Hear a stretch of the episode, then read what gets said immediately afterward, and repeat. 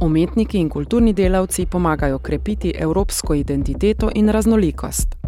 Evropska unija je zato oblikovala program Ustvarjalna Evropa, namenjen podpori kulturnega in audiovizualnega sektorja. V okviru programa, vrednega 2,5 milijarde evrov, je Evropska unija podprla izvedbo več odmevnih kulturnih projektov. Evropski parlament je program Ustvarjalna Evropa potrdil leta 2021, izvajal pa se bo do leta 2027. Poslušate program Novi izzivi, boljša zakonodaja. V današnjem prispevku bomo govorili o tem, kako Evropska unija podpira kulturni sektor.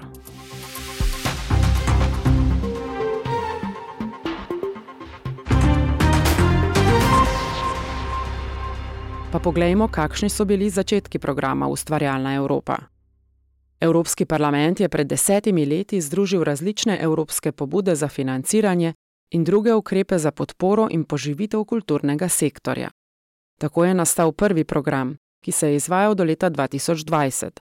Naslednje leto pa je prenovljeni program dobil večji proračun in novo strategijo. Trenutni program Ustvarjalna Evropa se je začel izvajati takoj po koncu pandemije COVID-19, ki je bila zaradi omejitev za umetnike še posebej težko obdobje. Poslanci Evropskega parlamenta so zato poskrbeli, da program pospešuje ukrevanje kulturnega sektorja.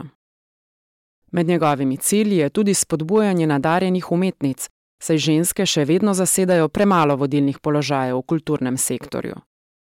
Poslanci so v pogajanjih s svetom dosegli uvedbo ukrepov, s katerimi so poskrbeli, da ženske v kulturnem sektorju ne bodo zapostavljene. Program Ustvarjalna Evropa je razdeljen na tri področja, ki pokrivajo različne kulturne poklice. Področje kulture je namenjeno tesnejšemu sodelovanju v nadnacionalnih in večdisciplinarnih sektorjih. Umetniki iz vse Evropske unije lahko tako skupnim delom prispevajo k trdnejši evropski identiteti, v središču katere so vrednote unije. Parlament je v pogajanjih dosegal tudi, da bo glasbenim koncertom in sodobni umetnosti namenjene več pozornosti, saj sta bili ti področji med tistimi, ki jih je pandemija najbolj prizadela.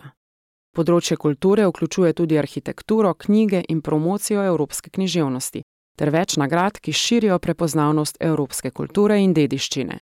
Nagrada Evropske unije za sodobno arhitekturo je namenjena arhitekturnim delom, ki prispevajo k trajnostnemu razvoju in dobremu počutju ljudi. Gre za nagrado Misa van der Roheja, ki je ime dobila po enem od pionirjev moderne arhitekture. Nadarjenim mladim pisateljem pa je denimo namenjena nagrada Evropske unije za književnost. Unija v okviru programa podeljuje tudi druge nagrade, naprimer za popularno in sodobno glasbo ter kulturno dediščino. Pobuda Evropska prestolnica kulture krepi povezave med kulturo in skupnostjo.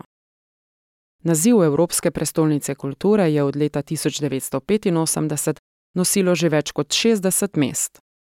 V letu 2023 so to mesta Eleuzina v Grčiji, Vesprem na Mačarskem in Temišvar v Romuniji. Tem letu mesta predstavljajo svoje kulturne znamenitosti, privabljajo turiste in utrjujejo občutek skupne evropske identitete. Leta 2024 bodo Evropske prestolnice kulture Badišel v Avstriji, Tartu v Estoniji in Bodo na Norveškem.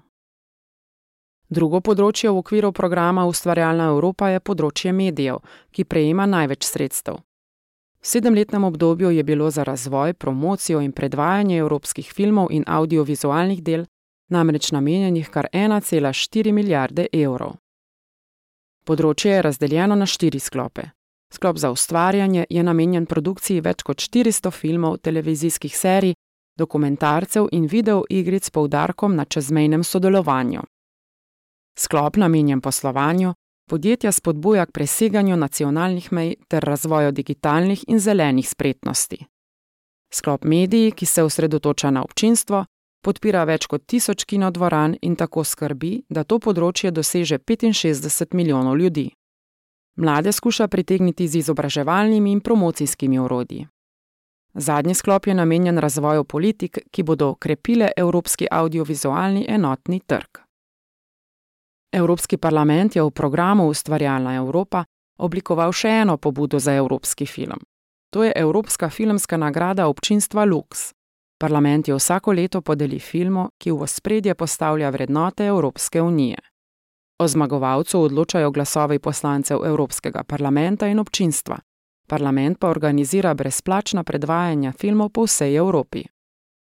Nagrado sta v preteklosti med drugim prejela filma Kovadi Saida in Blizu.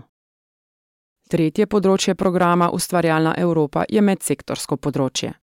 Namenjeno je razvijanju inovacij in projektov, ki vključujejo več sektorjev, izmenjavam dobrih praks in reševanju skupnih izzivov. K uresničevanju teh ciljev prispevajo laboratoriji za ustvarjalne inovacije, ki z digitalnim prehodom spodbujajo kulturno modernizacijo. Laboratoriji skušajo oblikovati tudi inovativna orodja za različna kreativna področja. Ta del programa prvič vključuje tudi podporo za medije, saj si Unija prizadeva za medijsko pismenost, svobodo medijev in kakovostno novinarstvo. Za finančno pomoč pri spoprijemanju z digitalizacijo se lahko prijavijo tako manjše kot večje medijske hiše. Evropski parlament si prizadeva za promocijo in krepitev evropskega kulturnega in audiovizualnega sektorja. Odbor za kulturo in izobraževanje ter poslanci Evropskega parlamenta so poskrbeli, da zadnja različica programa Ustvarjalna Evropa posebno pozornost namenja posledicam pandemije in enakosti žensk.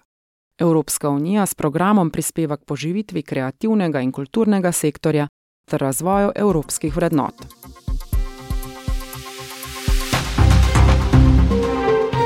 To je bil prispevek Evropskega parlamenta. Več informacij je na voljo na našem spletnem mestu